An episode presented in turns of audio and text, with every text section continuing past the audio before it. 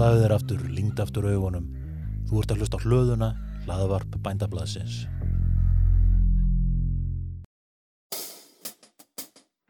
Komið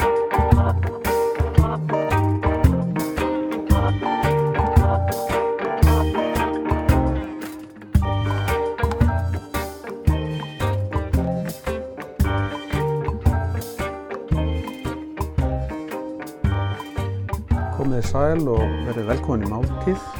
Eh, Gestur þáttarins í dag er eh, Jóhann Jónsson, maturslumæður sem er betur þekktur sem Jói í Ostabóðinni.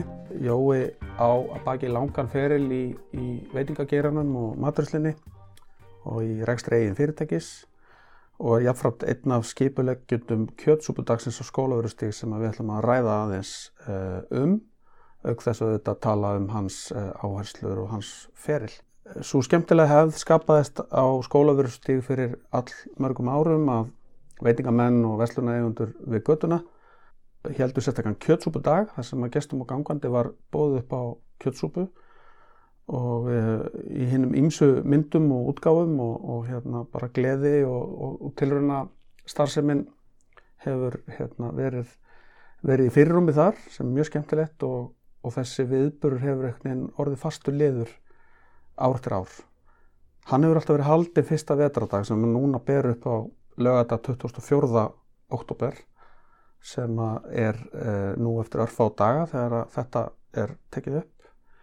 En vegna sótvarna og, og samkomi bans þá er augljóst að viðburðun verður ekki haldið á skólaverstíði að þessu sinni og eh, til þess að bregðast við því og, og tryggja það að kjötsúpan fái sinn sess í hugum þjóðarinnar þetta haustið eins og önnur þá hafa landsamtök söðfjörbanda og garðirkjubændur tekið höndum saman og með diggri aðstof frumkvælin á skólaverustíð með jóa í farabróti og kjötsúpudagurum verður haldið með breyttusniði í ár. Og það fer þannig fram að, að á uh, samfélagsmiðlunum þá kynir, uh, kynir Gísli Mattias Auðunsson veitingamadur á skál og slipnum í eigum fjórar uppskriftir af ólíkum súpum á samfélagsmiðlunum uh, lambakjött.is og íslenskt.is sem er vefur græmtisbænda uh, getur fólk síðan kosið og valið súpuna sem því líka best. Gísli mun svo kenna áhórandum að elda vinsarstu súpuna og svara spurningum í beitni útsendingu á einmitt þessum Facebook síðum 24. oktober lögadag klukkan 1 hvetjum fólk til þess að horfa. En uh, af Jóa, sem er gestu þáttarins og aðalatriðið, uh, ég byrði bara velkomi Jói og, og hérna gaman að fá þig. Hver er Jói í Óstabúðinni? Já, Jói í Óstabúðinni, það er, það er hérna drengur sem ólst upp í sveitin, ég kalla það sveitin þó að ja, ólst upp í borganissi, það er náttúrulega í þessu landbúnaði hér að líka eins og ég segi ég hérna var þar í 14 ár og 16 ára fer ég til Vestmannheim en ég var að býða eftir að komast í kokkin á Hótur Holti þannig ég beigði í heil hvað þrjú-fjúur ár frekar heldur en að finna einhvern annan stað. Því Holtið þá í gamla þetta var fyrir mér 92 það var eiginlega bara staðurinn Akkurat, þetta, þetta margir frábæri matursliðmenn sem að hafa starfað þar og, og útskrifast þaðan. Já, var, þetta, þetta var mjög öflug uppbyldustöð bæðið fyrir kokka og þjóna á þeim tíma. En þú segir þú beðist bara frá unglingsaldri eftir að komast á samning á holdunum. Hvað matar á hér? Fylgd á þér alla tíð?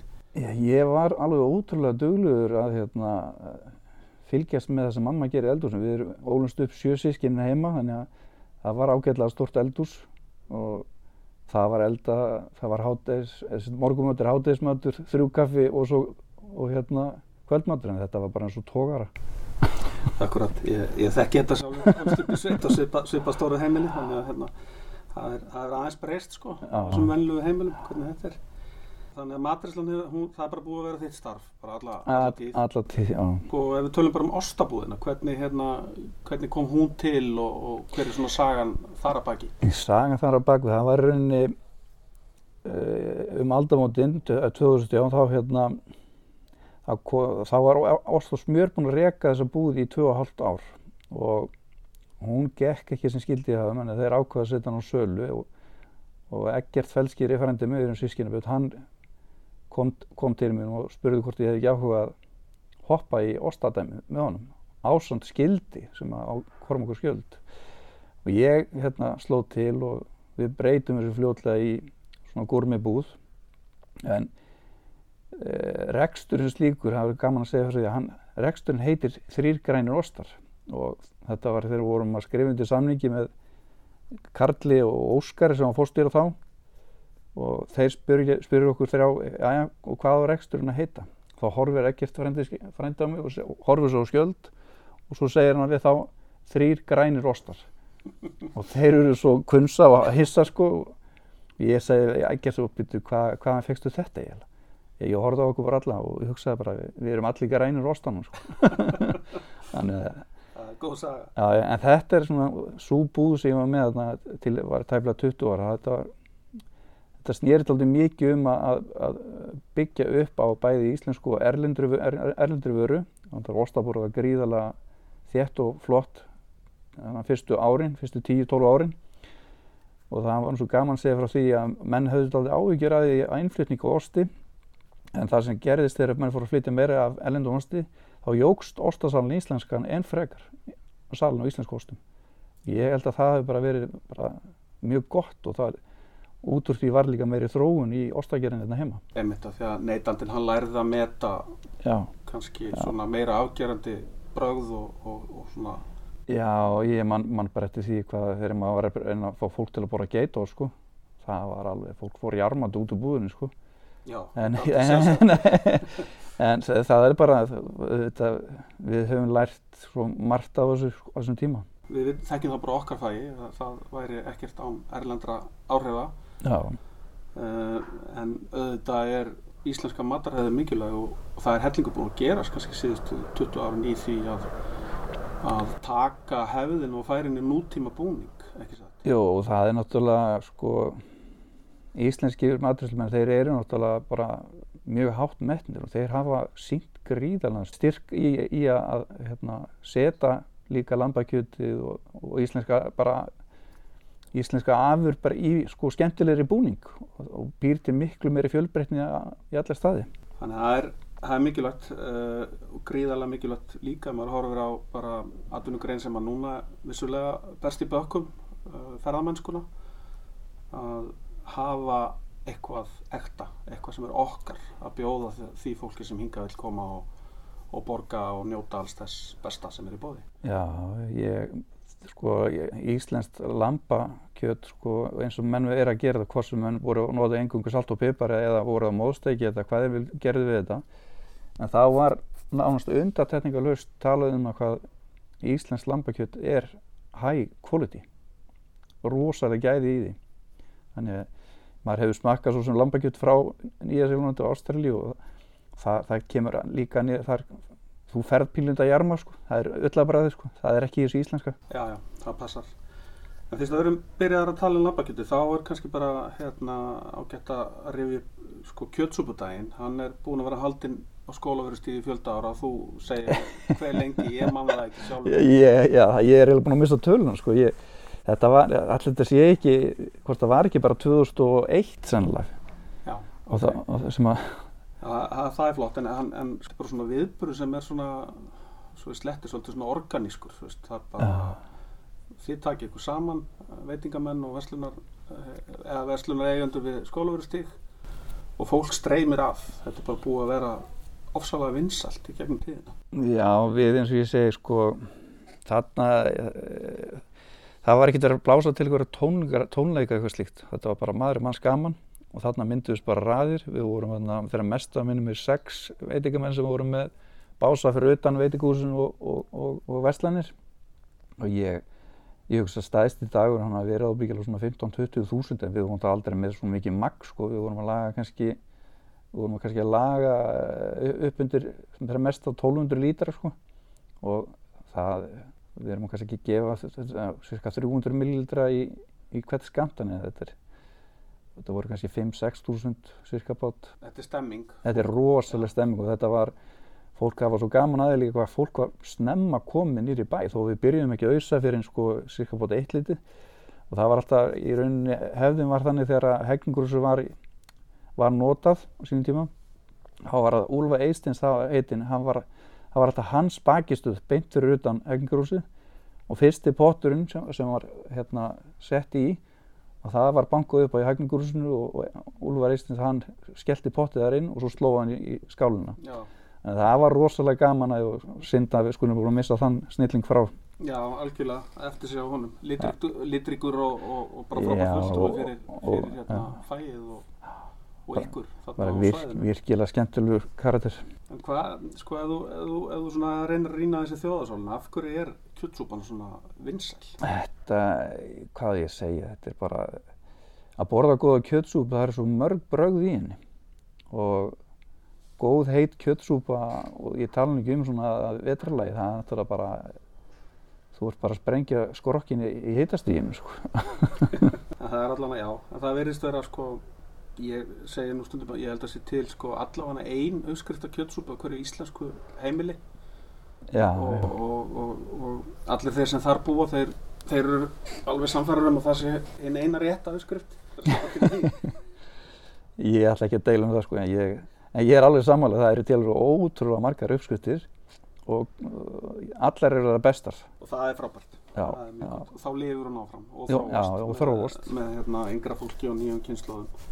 En það hefur maður, maður sáða líka bara hvað menn voru, sömu hverjir sem komu líka nýjir innan sem kokkar, þeir voru hérna, að spæsa þetta aldrei upp. Það fór enda misaflega í fólk sko. Nei, sumir vilja bara hafa þetta alveg já, já. klassísk sko en, en þarna voru við bara að sína hvað hægt er að gera og, og það var nú eitt skiptið þarna sem að sem að seldist nánast allt upp í stórmörkunum einn dag, daginn þarna sko. Það var þurft að að ringja í afræðstöður og, og fylla á búðina strax um helg, eftir helgina sko. Þetta er hérna ég, eins og ég segi sko, ég á nokkar krakka og þeir elska kjötrúbuna sko. Já, það er sama, sama hjá mér, mínu heimili. Það er aldrei kvart af undan henni, Nei. það alveg klart. Kjötsúpan, hún náttúrulega er að uppistöðu bara sko, íslenskt hráefni í, sko, í ástíð núna. Já, Er bæði lambakjötið og, og, og græmitið og það er, getur sagt, uppskeru tími á, á þessu tvennu. Þetta er útdrekta græmitið og, og lambakjötið þannig að, að það er mjög eðlilegt og kannski ættum við að gera meira því að, að, að horfa árstíða árstíðnar og, og neyta aðeins hérna, þeirra afurða sem eru bestar akkurat í árstíð þú? já ég, við erum náttúrulega sko að fá kartiflan í teknur upp og rófurnar, þetta er bara algjört salgjati sko og fyrir utan hvað þetta er, þetta er rosalega hollur matur og, og en ég auðvitað eiguði bara að hlaupa út úr búð og skelli í kjötsúpu, þetta er náttúrulega líka, ég tala ekki um þessu COVID sko, leifa krökkunum að búa hana til með okkur og, og njóta, Já, og miðla þekkingunni á miðla þekkingur áfram allan tíman. Þannig að við aðeins hérna, sko, þú ert búin að vera lengi í bransanum og, og ert, að, ert hérna, ég veit að þú notar alveg greiðarlega mikið af íslensku ráöfni en auðvitað eins og flestir líka með einflutt ráöfni eins og, eins og gengur. Uh, en ef þú ættir ráð til ís, íslenskara bænda, hvað myndir þú vilja sjá frá þeim, íslenskum bændum þar að segja, ef þú ættir ráð til íslenskara bænda, um það hvernig þeir geta bætt sína framleiðslu eða vöruþróun eða annað, hvað, hvað myndir þú segja? Sko ég held að uh, ég bara, ég, veit ekki hvað þetta gera mikið, meira með lambakjötu því að þetta er náttúrulega bara, þetta er bara svo, óbúslega gott tráðni en uh, það er frekar að tengja meira saman íslenskt græmiti og, og allt það meira við lambakjötu en sko, þetta er bara fyrirmynda kjött og ég veit ekki, kannski er þetta taka okkur vingil á sko kjötskurður sem slíkan. Að við sjáum að eh, eins og í bandaríkjum það er allt annað kjötskurður breytur bara skurðunum það getur aukið bara á kjöti en frekar. Já, já, já, já, kannski fyrst þú nefnir það, það er, það er ekkert langt síðan að það eru bara örfa ár síðan, 5-6 ár síðan að menn fóru að sjá mjadmasteikur teknar úr já, akkurat, lærinu. akkurat og e, bara sá biti er búin að markfaldast í, í, í virði síðan, vil ég meina. Það, það er bara eitt lítið dæmi það líka, það er eins og til dæmis með uh, við vorum lengi við erum ennþá að gera sérst, að grafa ærfili fyrir svona 10-15 ára síðan þá, þá var, þá, þá var sko, feiki nót til að því sko. Í dag, það er ekkert hlaupa að því að fá ærfélagi í dag sko. Og það bara segir það að því fólk var pínlítið hvað að gera við þetta. Jú, þú getur grafið þetta og, og ef þú notur þetta sem sko, steik sko, þá þarf það að passa að steikið þetta ekki um mikið þannig að þetta er svo fytusbrengt. Þetta, þetta er rosalega góður biti en það er, það er, hann er vand með, far, far, vand með farið. Já, það þarf að fara rétt á Já. En sko, en getum við bætt okkur í til dæmis bara því að, að, neytandinn og, og veitingamenn að, þeir að þeir geti gengið að rekjanleika vísum alveg eins og er reyndar í grammetinu íslenski grammetu sem Já, gera vel en bara almennt, ég, ég er ekki bara að tala um lamp, heldur bara almennt almennt. Ég held að það sé, ég held að það hljóta að vera hægt að gera það og ég held að, sé, ég held að skipti máli. Ég held að Íslendingar vilji sjá það, þá hrö- þróun vera hraðari. Að að það geta sagt sko að ég fekk, ég fekk lampi úr kvítasíðin frá Önnugulu á Gilsbakka, það skipti máli. og það getur að hækka vermiðan Það getur að hann en ef, ef hún stendur sig vel ef hún stendur svo vel og ég veit hún gera, ég var að smala í hánu daginn. já, já, já það, það er bara þannig ég er alveg sammála því, hjartanlega sammála því. En sko nú veitum við það að Íslendingar eru kannski svona já bara taugakerfi Íslendinga er beintengt við þeim með hluti eins og kjötsúpuna. Já, er það ekki bara þannig að Íslendingar skilja sko virði þess að eiga sín einstökur hráefni? Þetta, er, þetta er, er bara einu svona þannig, við erum öll bændur í okkur. Það er nú bara máli og það er hérna, bændur og sjómenn kannski? Já, já, það er hérna sjómenn, ég, sko, ég var nú kokkur á sjó í dennan og ég man að þegar maður gerir kjötsúpuna, þá menn var sko bara störtluð sko Já. og fyrir utan krafti sem hún farið úr því, sko. það er ótrúlega Allt kraftur. í henni sem þeim Já, já, alveg sko. þá er kannski bara svona loka spurninga þar er, er eitthvað sem við þurfum að gæta okkur með í kannski nútímanum og öllum þessum hraða að, að, að tap ekki, glata úr sko matarmenningun okkar Ég, það er náttúrulega nummer 1 og 3, við þurfum að passa okkur að fara ekki, fara ekki of langt frá hreinleikanum. Leifa hráðnum líka stundum að njóta sín. Sko. Að ég segi sko, þetta er gott að setja þetta í, í kjöti karjan, þetta er eitt réttur sem er alveg sko, störtlasa góður. En hreinleikin á lambakjötunu, ha- það skiptir máli og það væri náttúrulega alveg sko, frábært ef það var þetta bjóða upp á uh, sko, ferst kjöt oftar en einu sinni á, á haustin. Sko Einmitt. það held ég að fólk býður spennt eftir í og þar getur þú hugsanlega auki vergildi enn frekar. Það er eitt er að kaupa sko að kaupa uh, sem búið að frista, annar er að kaupa fest. Það er, þetta er bara svo gjör ólíkt Tækifæri, til allt annar verðlag. Ja, allt önnu verðlagn, þú sér það sjálfur bara með frosinn fisk versus ferskan fisk. Þetta er ekki að bera þetta saman sko. Nei, það er langt í frá. Já, þú nefnir þetta, sko, bændur hafa margir sagt eins og núna í haust og söðfjörbændur að segja að það hefur farið lítið fyrir fersku kjöti í þessari slátutíð og, og hérna það er líklegast bara glata tækifæri fyrir þá sem að halda á sölu og markasetningu á þessari vöru. já, það er bara það er ekki nógu gott, en það, þetta er svona hlutur sem það þarf að passa upp. Hvað er núna kannski framundan hjá þér? Ég, ég hérna, þykist vita að það séu fréttir í, í, þínum, í þínum rekstri. Eh, Já, já, Þú, þú ert núna sko út á Granda og þú kannski segir mér bara því já. og hvað er svo framundan? Sko ég, við erum, út á Granda, þar er meira með ve veisluþjónustu og, og, og vinslu, þar erum við, að, við erum að gera mikið af gjöfum núna sem eh, er í gangi, svona tækifærisgjafir sem fyrirtæki er að gefa starfsmönnum og svo stóra ballið sem ég er að fara í núna, það er að ég bauðst að, að taka við Hótel Holti þar sem ég lærið í gamla daga og ætlum að, erum byrjað að græja það bara til og vonumst til þess að geta opnað upp úr miðjunum nómuberi ef að hlutir fara að lagast í COVID-inu og þar ætlum við að byrja bara á að keira á, á veislusölum og, og barinn sem við keirum líka uh, við komum með, mjög líklega til að keira hann 15. fyrst á lögata og þar verðum við með flotta barmenju með hérna ostaplöttum, villibráðplöttum og meira gúmulaði og en ég gerir ráð fyrir að við opnum hátiðskísluna eins og við gerum hérna upp í ostabúðu sínu tíma Við byrjum á því eftir áramót og það er þá virkudagan, 15. fyrsta lögudagur, nei, fin- er sérst mánudagur, þriðudag, miðgudag, 15. fyrstagur og frá hálf 12 til 2 og bara í svipum stíl eins og við gerum upp frá þar sem við vorum með þetta látlust og, og hóflega stilt verðlægi, sko, Aðgengilegt. aðgengilegt. Já. Heiðalegu matur og, og heiðalegu matur á, á góðum prís. Já, á sögu frá þeim stað. Já, ég, þetta er að fara, þetta er að fara á 1965, þetta hótel. Það er nú að því að við sitjum hérna akkurat núna á hótelsögu, það, er, það eru kannski þessi tvö hótel sem að, já, þau er reyndar tengjast sko, tengjast, sagan. já, það er já. sami maðurinn í rauninni sem að, Þorvaldur skóla og svona, já, já. sem, sem hafði yfir ámsjón með byggingu Já. Begja. Það var reynu Þorvaldur og Ingibjörg konan sem var meira Ingibjörg sem að styrði uppbyggingunni hér. Já. Hún var algjör nagli. En, en Þorvaldur var ráðinn af bændum að byggja hótelsögu á sínum tíma og, Já. og, og hérna, hann nýtt á reynslu, þá reynslu fyrir sjálfan sig þegar hann byggði hótelholt. Já, já. Sem að, hérna, Þarna var rauninni á, það eru til gamla myndir að hvernig hann, hann var líka með sko búðarna, já, síld og fisk. sild og fisk. Já. Og Þú ert að kannski að, ég, ég, ég fekk leiði til þess að setja upp svona, til að byrja með, eh, þegar við opnum þá verður komin kæli í, lobbyið til þess að skapa líf, þar sem fólk getur nálgast þar vörur sem að grafa og reykja úr lampakjöti og, og meiri til. Einmitt. Þannig að það verður alltaf svona gaman að fá líf í húsið. spennandi. Ég laka til að koma og, og sjá og versla. Já, já. Frábært. Herðu, en við hérna, ég held að við séum búin að tæma, tæma þetta í byli. Við kannski hittum síðar þegar að hérna, allt er komið í blúsandi gang og, Já. og, og COVID dáið drottni sínum og, og allt komið í blúsandi siglingu aftur.